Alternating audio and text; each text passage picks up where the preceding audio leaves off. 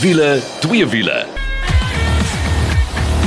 Nou as jy daai klanke hoor, dan is dit tyd vir wiele twee wiele en soos Janet altyd sê, die gunsteling tyd van die week. En as jy nou wonder hoekom jy na my stem Nicole Lou moet luister en nie daai borrelende blondine nie, die rede is haar stem is weg. So sy sit hierso, sy lyk net mooi vandag, maar sy gaan nie veel sê nie. Maar dan in die ander hoek het ons daarom die Engelsman, Mike, welkom. Hi, baie dankie. En uh, so vandag het ons weer 'n baie opwindende program. En ek sê baie opwindend want gebeur hier baie dat jy 'n Alfa Romeo bekendstelling by bywoon en dit is 'n eerste vir Alfa in heel vele opsigte maar ons gaan daarby kom. Dis die nuwe Tonale C-segment SUV en dan gaan ons nog 'n bekendstelling toe en dis van China af. Dis die Beijing X55 en ons gaan vir Ferdi de Vos nader trek om ons bietjie te vertel hoe dit daar gegaan het. En dan Mike gaan ons bietjie vertel van hoe om veilig te bestuur Mike. Oh yes. So hy was bietjie gewees saam met Ford en hy gaan vir ons 'n paar tips gee. En dan moenie vergeet van deel 2 nie. Deel 2 gaan ons gou bietjie daar by Getworth by my Ranta Fraier kuier. Ons gaan 'n bietjie praat oor brandstofverbruik. Ons weet hoe belangrik dit tyd van die jaar is. Moet jy ry met jou tog beheer, is 'n mooi woord, of cruise control aan? En dan gaan ons 'n bietjie by KTM en die Parel by Clinton Pinaar inloer vir twee wiele aksie. Maar ja, kom ons spring sommer weg en ek wil sommer eers wegspring met die Alfa Romeo Tonale. Mike, hou jy van Alfas? My favorite car, I tell you, I just love them. The design, the looks, the appeal. It's just it's like I don't know. I just want one in my garage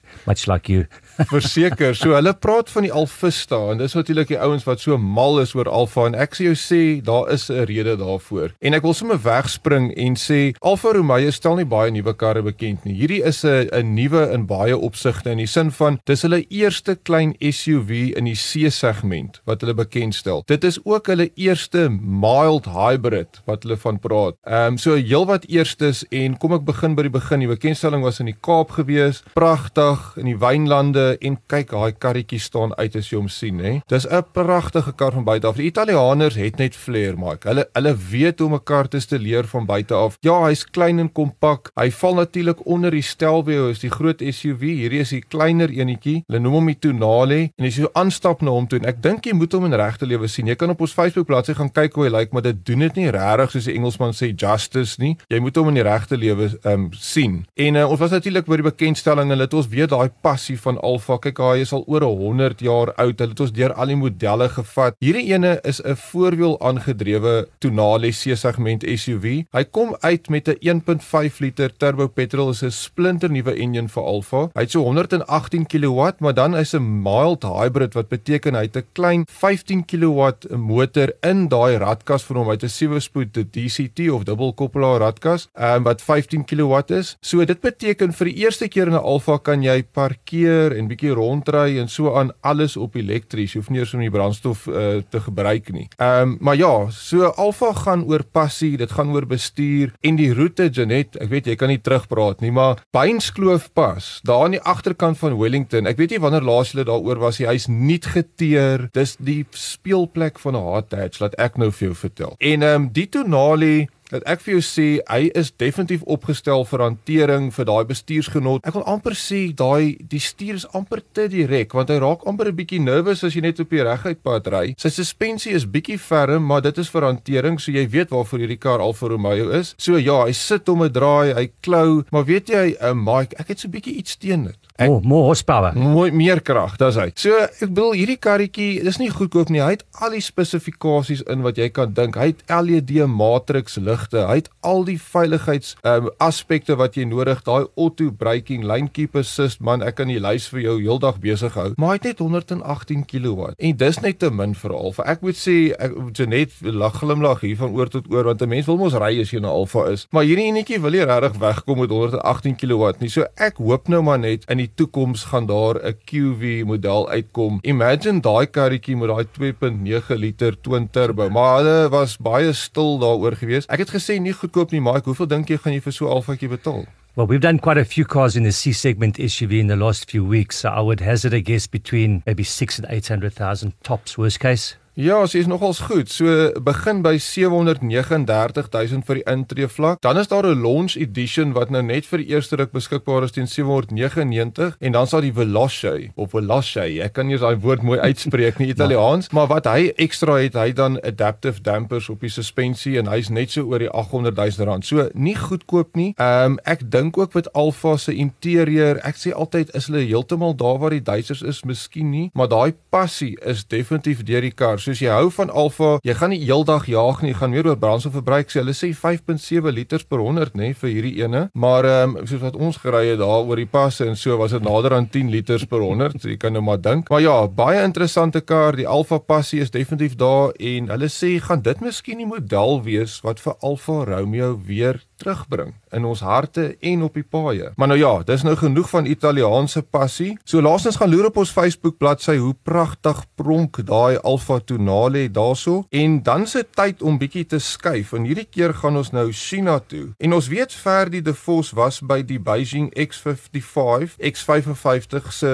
halfbekendstelling want die sin hulle het hom net vertoon. Hierdie keer was dit die bekendstelling wat jy kon gaan ry het met die kar. En ons is so bly Ferdi De Vos kon daar wees vir 'n wiele, twee wiele. En ehm um, Ferdi, baie welkom weer hier by die wiele, twee wiele. En soos ons sê, jy was laas keer het jy gekyk na hom. Nou het jy hom gaan ervaar. Wat kan jy vir ons vertel? In China staan dit bekend as die C52X. Dit is die modelbenaming en uh, hy het 'n ander naam ook en dit is Mofang en as mens dit nou reguit vertaal sommer direk dan is dit Rubik se kubus. Nou hoekom Rubik se kubus? Wel, die naam is deur die Chinese gekies. Uh dit was 'n publieke kompetisie geweest om 'n naam te vind en Rubik se kubus was die gewildste. Die rede hiervoor is is dat die X55 met uh, sy sportnutsgevoel is veelsidig en net soos 'n Rubik se kubus wat allerlei kleure en 'n uh, jy weet soort van aangepas moet word om 'n uh, eenheid te vorm net so vorm die X55 volgens die denke wat die uh, Chinese hier aangewend het 'n uh, eenheid. En ek moet sê hulle het dit nogal die spyker op die kop geslaan. Hulle het die Rubik se kubus regtig voltooi want die X55 is 'n uitstekende produk van 'n groot internasionale maatskappy wat ons nou nie baie goed in Suid-Afrika ken nie. Uh, want Bike is nou al ja, 9 jaar hier in die land en hulle het selfs 'n aanleg hierso, maar ons moes nog net uh, met ou produkte hier te doen gekry het. En nou ja, dit is die heel eerste nuwe produk vanuit uh, Bike se stal. En die X55 is 'n baie goeie voorbeeld van die gevorderde tegnologie wat hulle wel besit. So dit is die eerste nuwe produk. Ferdi, maar wat laat die Beijing X55 uitstaan? Die ontwerp is nou ja, ek dink dit is baie aantreklik uh, in die SUV sin en as 'n mens dit moet vergelyk dan sal ek sê dit is al gelykstaande aan die heel jongste modelle wat 'n mens kan kry in die sportnutsreekse as ook in die uh, kruisvoertuigreekse. Al die dinge is daar wat 'n mens verwag. Binne is hy groot. Hy het 'n lang uh, asafstand en uh, die afwerking binne en buite is van hoogstaande gehalte. En dit is een van die interessante en die verrassendste aspekte van uh, die Chinese produk want mense verwag dit nie altyd van sulke produkte nie. Uh, maar wat hier betref is die X55 definitief hy hoef nie terug te staan vir enigiets vanuit Duitsland of uh, vanuit Korea of uh, Japan. Verder daar sekerlik nie net een model nie. Vertel vir ons gou 'n bietjie watse modelle kan ons nog verwag van Beijing en van die X55? Die Beijing X55 kom in 'n drie modelle uh, wat nie heelwat verskil nie.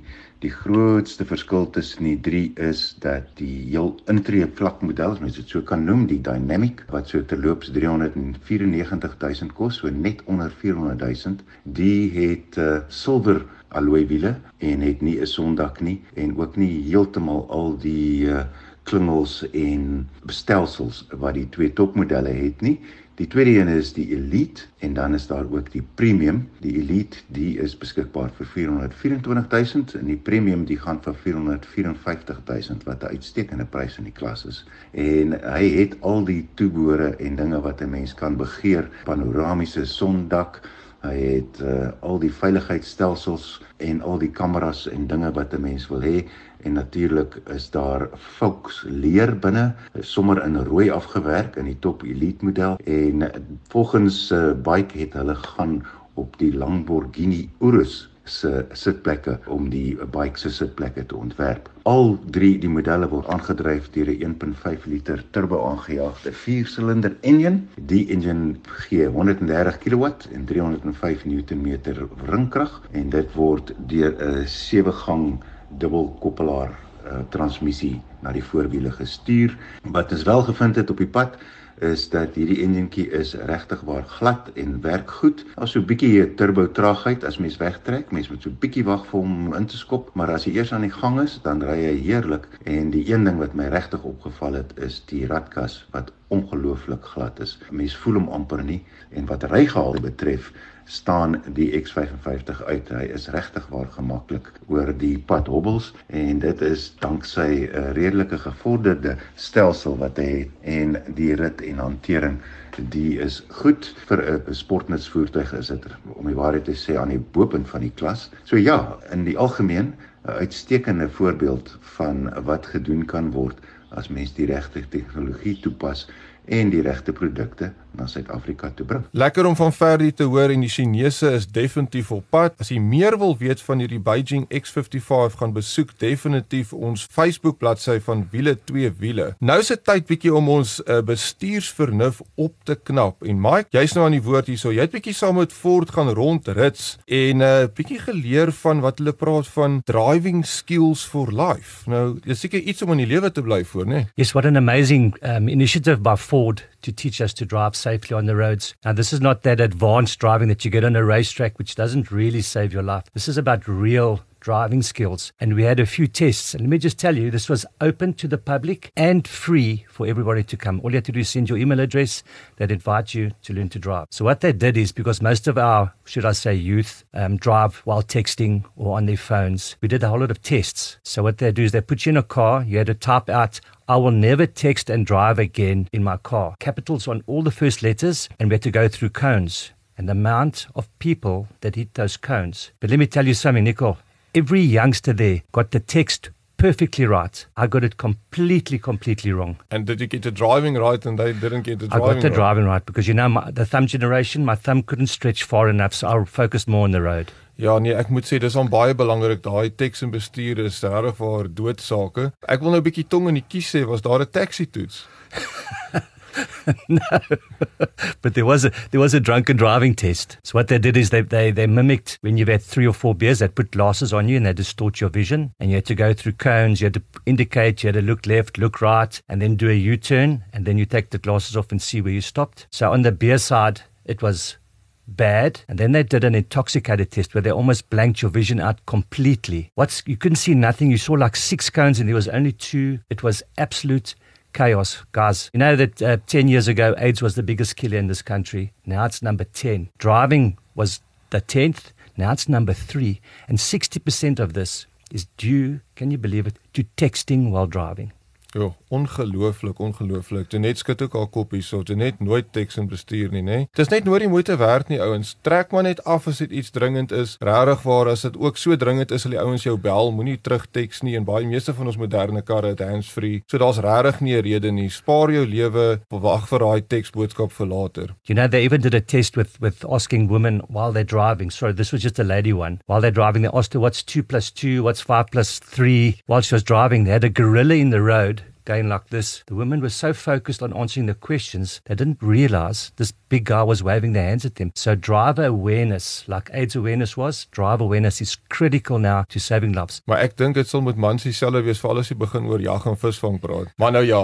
Nee, dankie Mike. Ek uh, waardeer daai raad. Ek dink uh, Ford uitstekend om so 'n inisiatief te doen en ja, nee, ons weet in Suid-Afrika is pad uh, sterftes is heeltemal te hoog. Dis definitief iets wat jy elkeen kan doen daar buitekant hierdie feesseisoen. Sit daai foon af, sit hom weg terwyl jy bestuur en kom veilig by jou destinasie aan. Yeah, I just want to say thank you to Ford for driving this initiative. I mean, they tested four wheel drives, they tested oversteer for the people to learn what happens when you oversteer, when you understeer. All those driving skills that we think we know, but we actually don't know. So, a big thank you to Ford. So vir meer inligting gaan besoek definitief weer ons Facebook bladsy. Daar gaan jy alles kry oor hierdie Ford inisiatief. En dis aan die einde van deel 1, maar moenie weggaan nie. Deel 2 is om die draai en dis baie interessante dinge wat daar vir jou wag. As jy 'n vlekvrye staal uitlaatstelsel soek of jy nou jou kar wil laat purr soos 'n klein katjie of laat blaf soos 'n Rottweiler, moet jy definitief 'n draai gaan maak by Powerflow Belwel. Hulle kyk na alles wat jy nodig het wanneer dit by jou uitlaatstelsel kom en jy kry boonop 'n 5 jaar waarborg ook. 'n Nuwe stelsel sal self vir jou beter werkverrigting gee. Besoek powerflowbelwel.co.za of Powerflow Exhaust Belwel op Facebook. Powerflow Belwel, jou nommer 1 vir vlekvrye staal uitlaatstelsels probleme. Welkom terug by Wiele twee wiele. Dit is tyd vir ons tweede deel van die show en soos gewoonlik gaan maak ons 'n draai daar by Getworth by Marianta Fraier wat haar wysheid met ons gaan deel en Getworth is mos daai kar prysdeskundiges. Dit is tyd vir jou weeklikse motorwaarde wenk met die komplimente van Getworth. Is dit 'n goeie tyd om my motor te verkoop? My naam is Marianta Fraier, hoof van bemarking by Getworth. Absoluut. Volgens die kundige aankopers by Getworth Gewoonlik daal gebruikte motorpryse geleidelik. Sedert die eerste COVID-inperking is die mark egter ontwrig en het gebruikte motorpryse gestyg. Hulle staan op baie sterk vlakke. Dit sal nie vir ewig duur nie, so as jy daaraan dink om te verkoop, is dit nou 'n baie goeie tyd. Dit is jou weeklikse motorwaarde wenk met die komplimente van Getworth. Dankie Marianta, dis altyd goed om van jou te hoor. En nou is dit tyd om te praat oor brandstofverbruik. En dis nou snaaks dat die een wat eintlik die brandstof meeste gebruik se stem weg is, Mike.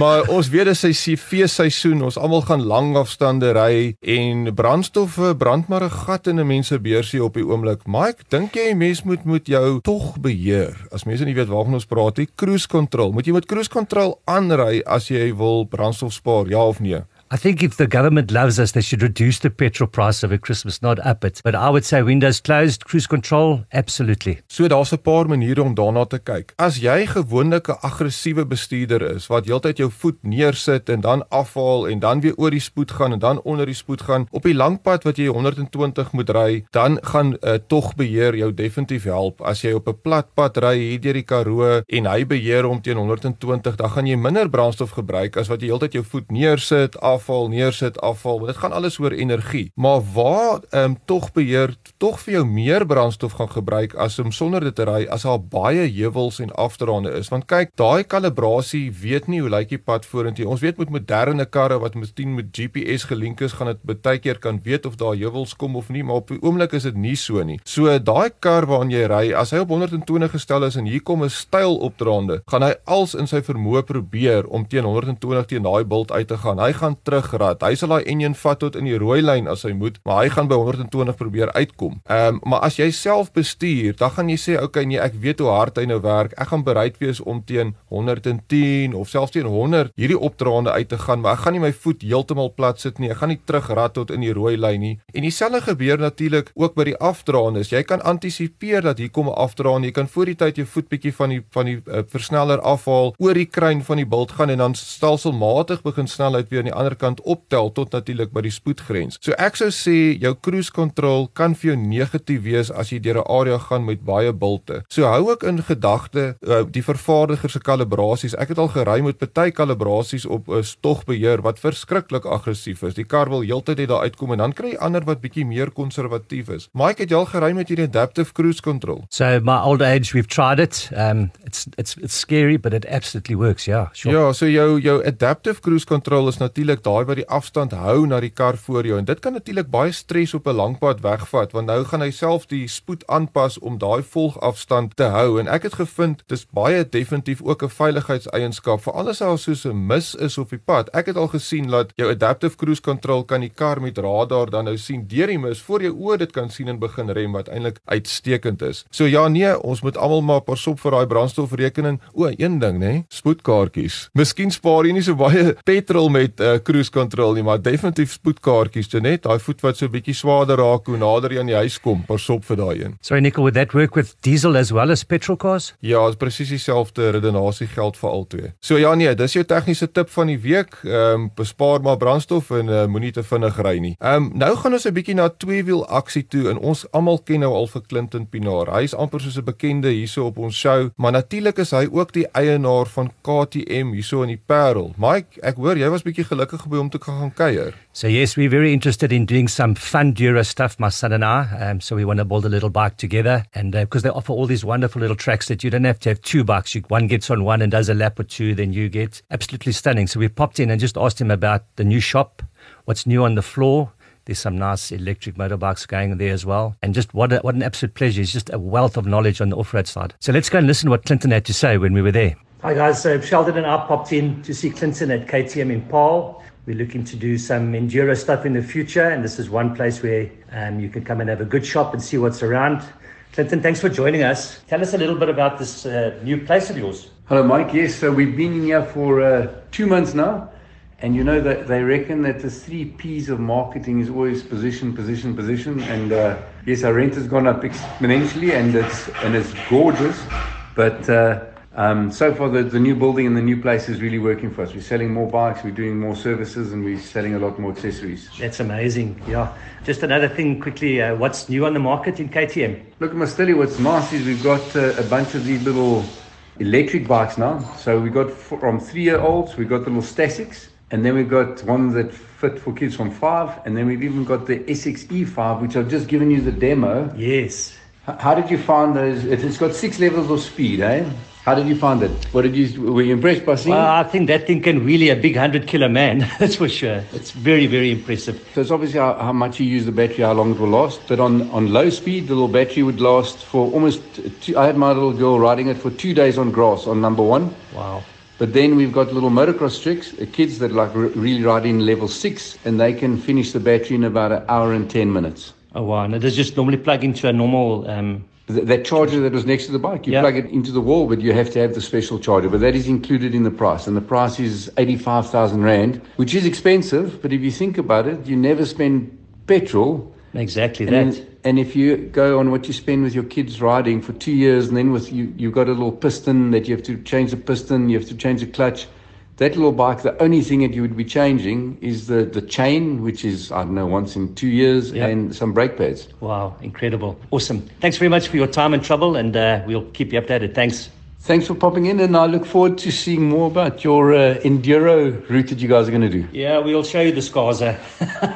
Thank you. Mike, altyd lekker om te hoor daarvan Clinton Pinaar, maar ek wil 'n bietjie gou vir jou vra, hierdie elektriese enduro ding, dis nou vir my heeltemal nuut. Nou, hoe hoe gaan dit nou werk en stel jy regtig belang gaan jy een kry vir jou? I'm not going to get an electric vehicle. I'm an old two-stroke fan and we're going to build a two-stroke, yeah, that's for sure. But what they want to do is they want to get from 3-year-olds into this game. So, mom, dad, and the daughter or son, the little electric for a three year old, a five year old, an eight year old. And then you know you can go into those 80 cc's, and, and, and from there, it's just such a entry to absolute adventure. Maar wat vir my nogals lekker is van daai klein elektriese motorfietsies is dat jy kan vinnig vir jou kleinkind aan die gang kry en jy weet as jy altyd nou ry hierdie goed agter op die bakkie of in die trailer nou kom jy aan wil jy wil gaan speel. En nou hierdie 50cc two-stroke wat jy gekoop het uh online wat nie elke dag wil vat nie en so almal staan daar jy weet sukkel die ding om in die gang te kry. Almal wil ry, almal is kwaad. Hierdie ding jy skakel aan jy ry.